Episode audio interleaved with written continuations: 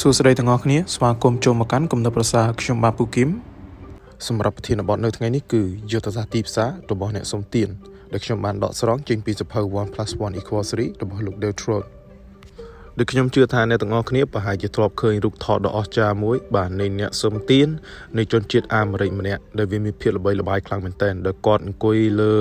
ចិញ្ចើមផ្លូវជាមួយនឹងផ្តិល9នៅពីមុខរបស់គាត់ដែលមានស្លាកបិទ ដែលមានសរសេរឈ្មោះសាសនាមួយចំនួនដែលដូចជាមូស្លីមជ្វីបហិណ្ឌូពុទ្ធឬក៏គ្រិស្តជាដើមបាទហើយនឹងមានស្លាកមួយទៀតសរសេរដោយដៃថាតើសាសនាមួយណា ដែលខ្វាយខ្វល់ពីអ្នកដែលគ្មានផ្ទះនៅខ្លាំងជាងគេអូអឺដោយអ្នកសំទានម្នាក់នេះគាត់យល់ពីការធ្វើការផ្សាយចកម្មហើយនឹងចរិតរបស់សេដ្ឋកិច្ចពិតមែនជំនួសឲ្យការនិយាយនៅអ្វីដែលគាត់ចង់បានក៏មកផ្ដោតនៅអ្វីដែលគេចង់បានវិញ ដែលគាត់បានប្រើប្រាស់នៅសំណួរមួយចំនួន ដូចជាតើគាត់ចង់បានអ្វី ហើយនឹងចង់បានវាពីណា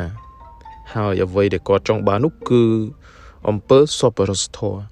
អញ្ចឹងអ្វីទៅដែលបង្កើតឲ្យមានអំពើសប្បុរសធម៌នោះគឺក្តីមេត្តាចុះនរណាគេដែលមានក្តីមេត្តាបាទចម្លើយនោះគឺអ្នកដែលកាន់សាសនានេះឯង ដូច្នេះទើបគាត់បានបង្កើតឲ្យមានស្មារតីនៃការប្រគល់ប្រជែងនៃក្តីមេត្តាស្ដាប់សិនបាទវារៀងឆ្កងបន្តិចមែនប៉ុន្តែគាត់ជឿថាអ្នកដែលកាន់សាសនាអ្វីមួយគឺតែងតែចង់បង្ហាញថាសាសនារបស់ខ្លួនដែលកំពុងកាន់ហ្នឹងគឺបង្ហាញនៅក្តីមេត្តាខ្លាំងជាងគេទើបគាត់ចង់ឲ្យអ្នកទាំងអស់នោះបង្ហាញទៅជាការវោតឬក៏ការបោះឆ្នោតហើយនៅការវោតនេះដែរគឺប្រើលុយរបស់អ្នកផ្ទាល់ បាទប៉ុន្តែនៅពេលដែលគ្រប់គ្នាបានដើរកាត់នឹងឃើញថាតើនរណាជាអ្នកឈ្នះឬក៏ជាអ្នកចាញ់ឬយើងនិយាយម្យ៉ាងទៀតថានរណាអាណិតខ្លាំងជានរណាដែលអ្នកអាចកែប្រែលទ្ធផលនេះបានគ្រាន់តែដាក់លុយឲ្យច្រើនតែប៉ុណ្ណោះហើយនៅពេលដែលចប់សពគ្រប់គឺអ្នកដែលសុំទាននេះឯងគឺយកលុយទាំងអស់ហើយនឹងថ្ងៃស្អែកគឺចាប់ផ្ដើមវោតម្ដងទៀតដែលស្លាកសាសនាដែលបិទលើផ្ទើទាំងនោះគឺជាជំរើ សសម្រាប់ពួកគេសម្រាប់ចិត្តហើយអ្នកដែលកើតមកជាមួយនឹងសាសនា